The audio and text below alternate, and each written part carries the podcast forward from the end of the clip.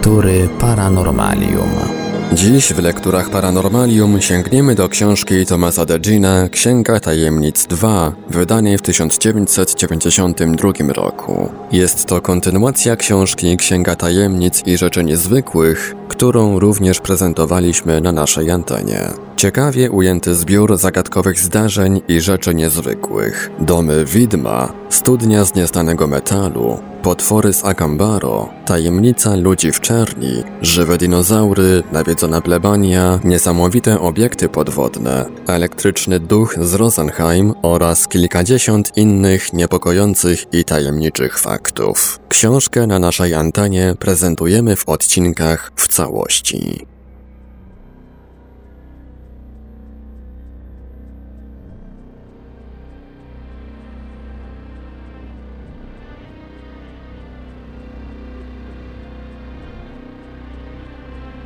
Domy widma.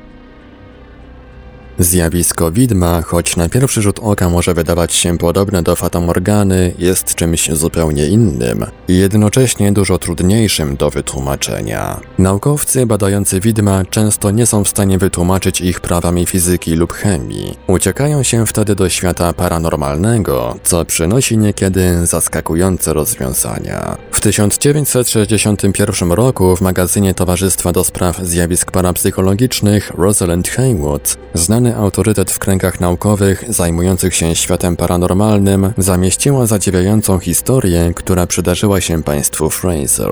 Był listopadowy piątkowy wieczór 1960 roku. Małżeństwo jechało na weekend do Hurstmon Cox w hrabstwie Sussex w Wielkiej Brytanii. Mniej więcej półtorej godziny jazdy za Londynem zauważyli przepiękny, wiekowy hotelik. Według relacji pani Peggy Fraser, budynek porośnięty był roślinnością, a z okien sączyło się miękkie światło. Wyglądał bardzo zachęcająco. Podjazd dla samochodów wysypany był żwirem. Zadaszony ganek prowadził do głównego wejścia. Po prawej stronie stała przybudówka z neonowym napisem American Bar. Państwo Fraser z żalem pojechali dalej, obiecując sobie jednak, że wrócą tu później na małego drinka przed snem. Tak też zrobili, lecz chociaż kilkakrotnie przejeżdżali szosą w ten i z powrotem, próbując odnaleźć hotelik, ten jakby zapadł się pod ziemię. Nie było po nim śladu.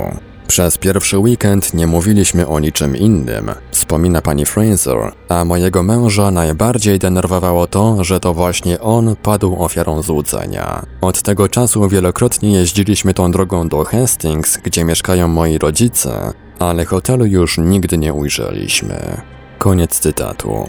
Nie trudno zauważyć, że nie może tu być mowy o zjawisku fatamorgany. Przede wszystkim, jakie mogły być różnice temperatury powietrza w listopadowy wieczór po zachodzie słońca? Z pewnością minimalne. Po drugie, co stanowiłoby lustro, w którym odbijałby się obraz i co miałoby być owym obrazem, gdy ani morze, ani niebo nie były w tym miejscu widoczne? Opisany przypadek nie był pierwszym hotelem widmem, jaki trafił do kronik zjawisk paranormalnych. W 1933 roku niejacy państwo Pai podróżowali autobusem po Cornwalli. Gdy pojazd zatrzymał się na przystanku tuż przed miastem Bowscastle, małżeństwo zauważyło za oknami wspaniały dom gościnny otoczony przepięknym ogrodem porośniętym geranium o szkarłatnym kwieciu.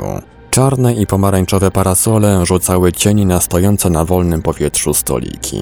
Zanim nasi bohaterowie zdążyli pomyśleć, że byłoby to wspaniałe miejsce na przerwę w podróży, autobus skręcił i zawiózł ich prosto do Bowscastle.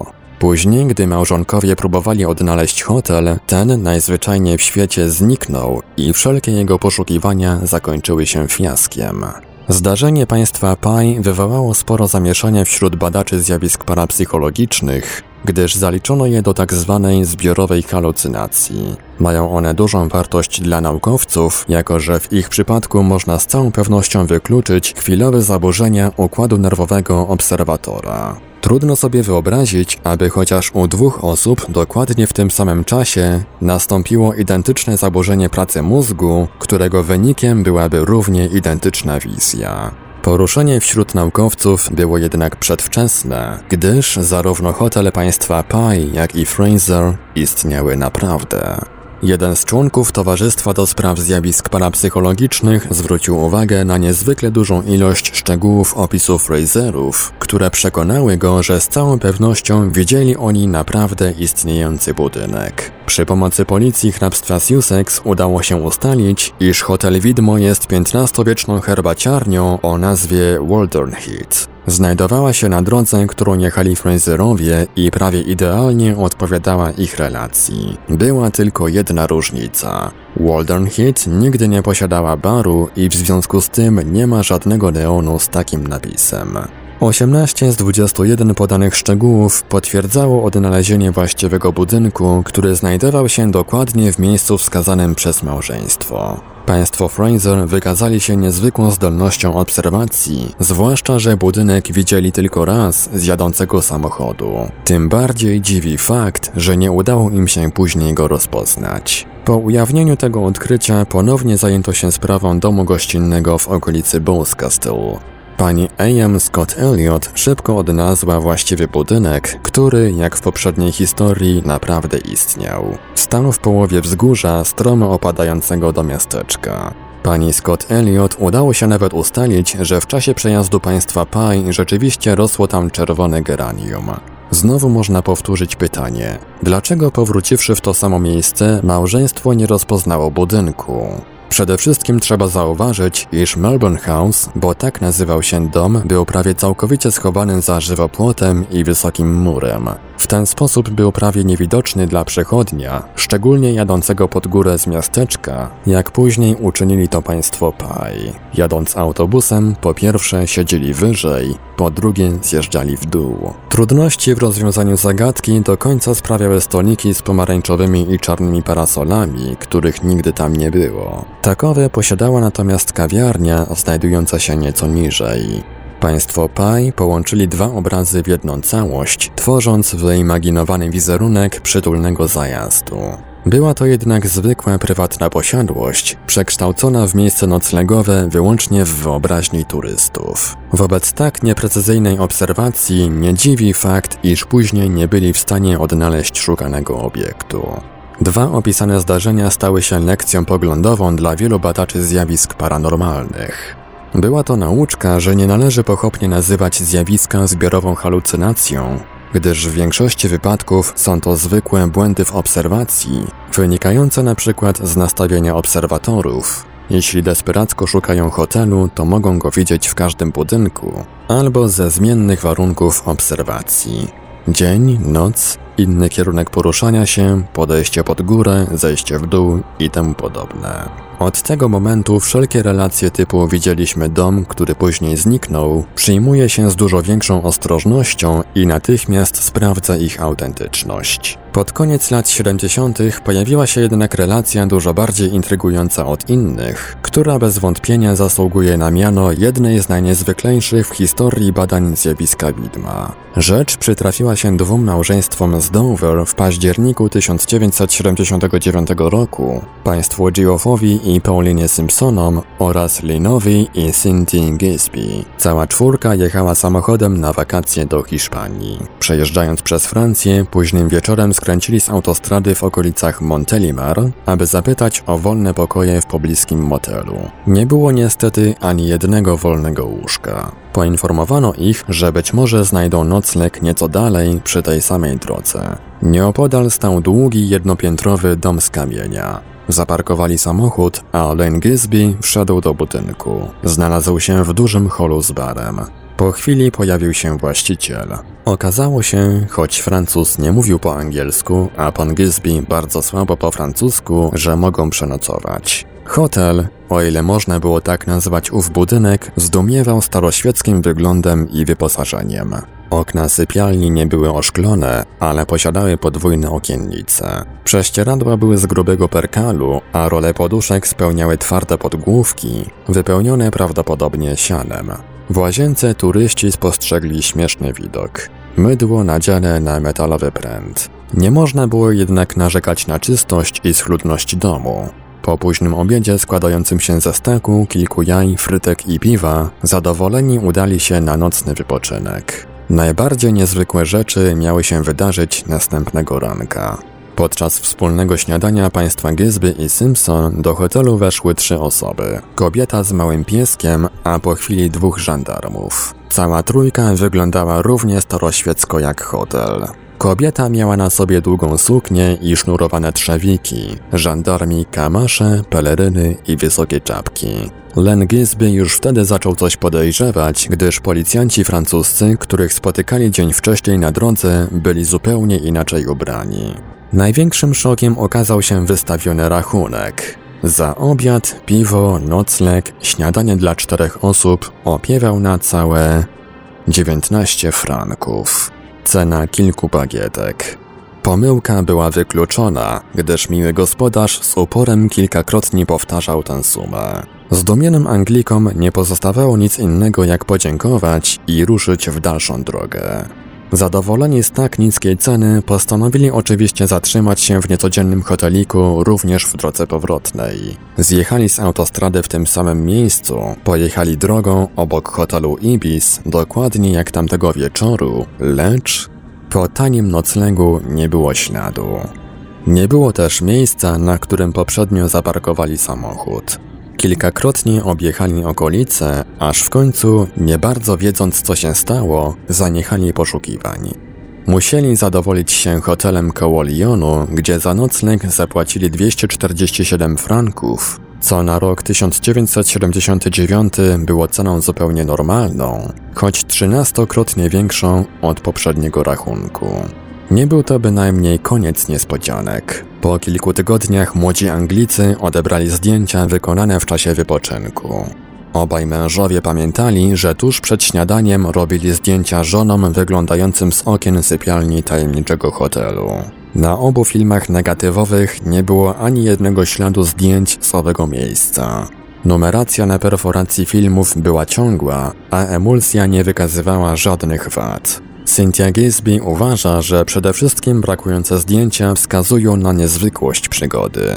Wcześniej słyszała o kilku przypadkach przemieszczania się ludzi w czasie i choć sama nie jest tego pewna, wiele czynników wskazuje, że właśnie to spotkało obie pary. Tajemnicza historia przez kilka lat nie dawała małżeństwom spokoju. W 1983 roku powrócili do Francji, aby jeszcze raz na własną rękę przeprowadzić poszukiwania zaginionego hotelu. Do tego czasu Francuzi, którzy zostali powiadomieni o zaistniałym przypadku, przeczesali teren i znaleźli budynek, który mniej więcej odpowiadał opisowi Anglików. Był posiadłością państwa Gige, właścicieli stacji benzynowej i chociaż nie był hotelem z prawdziwego zdarzenia, często przyjmowano to gości na nocleg, a nawet oferowano śniadanie i kolację. Philippe Despizy, człowiek, który odkrył ów dom, zabrał ze sobą na wizję lokalną naukowca, znającego zdarzenie bezpośrednio od Anglików.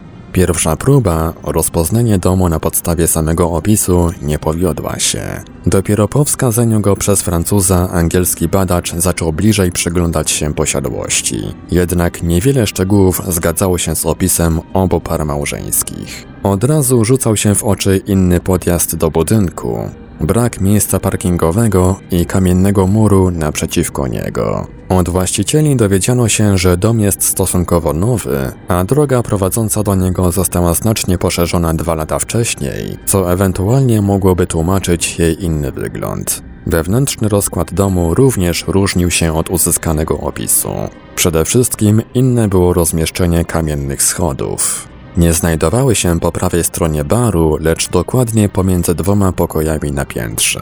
Bar, który także znajdował się na dole, budził dalsze wątpliwości, gdyż praktycznie była to zwykła jadalnia. Pod ścianą, na grubej mahoniowej desce, poustawiono butelki alkoholu i kieliszki.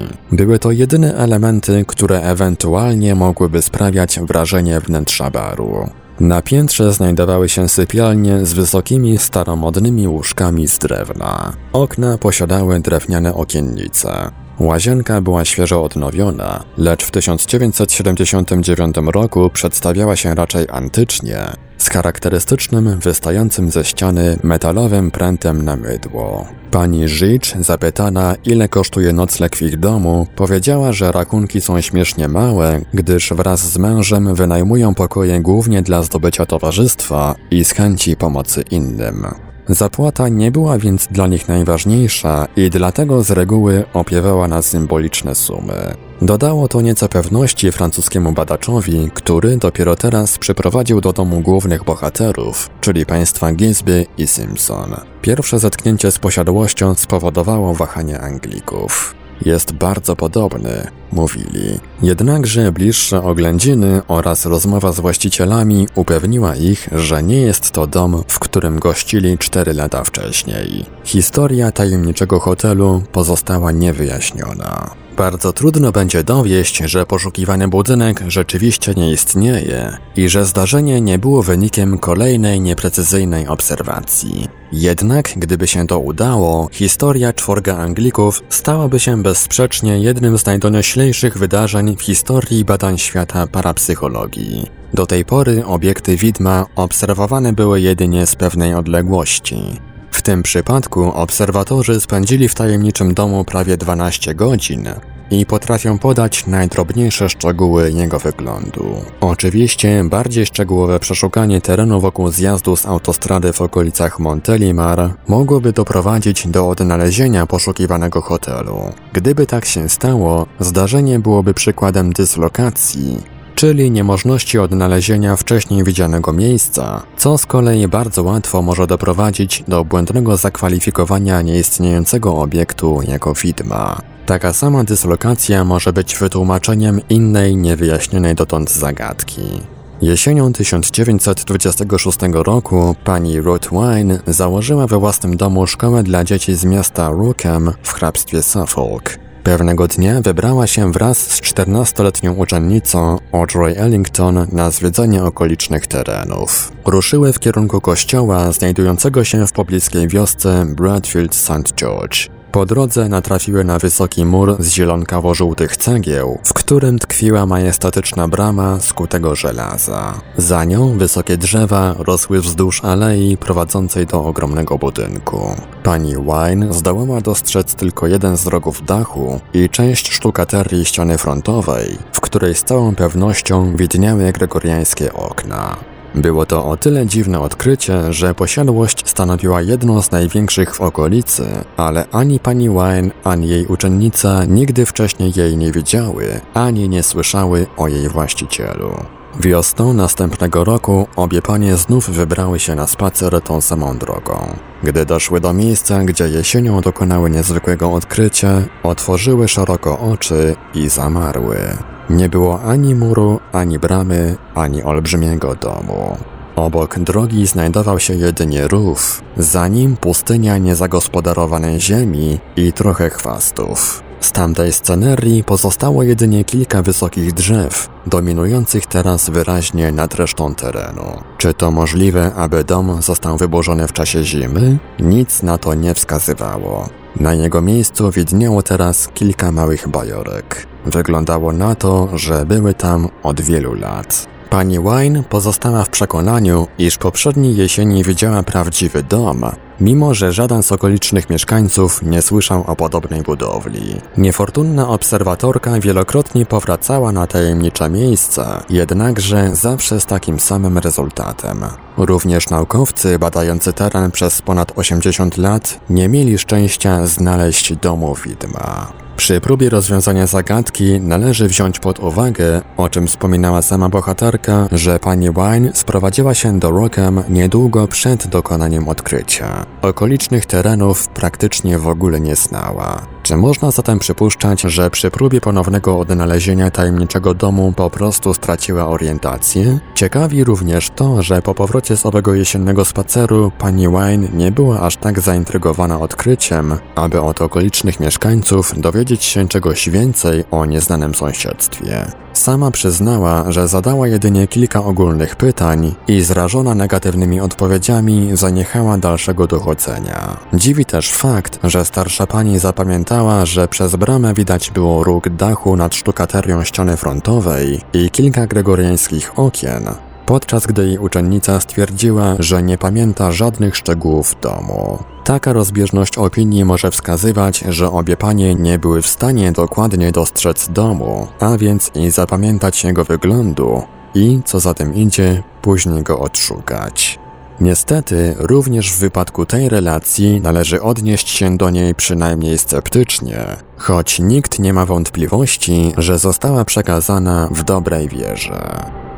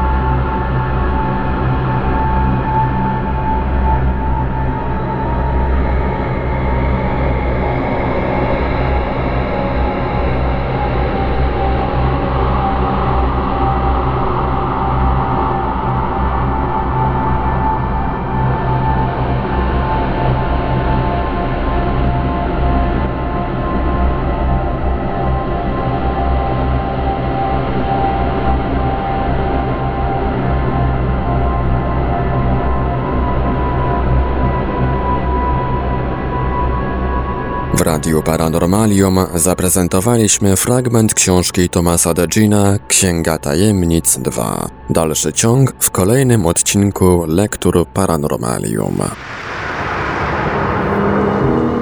Archiwalne odcinki Lektur Paranormalium znajdziesz do pobrania w archiwum naszego radia na stronie www.paranormalium.pl.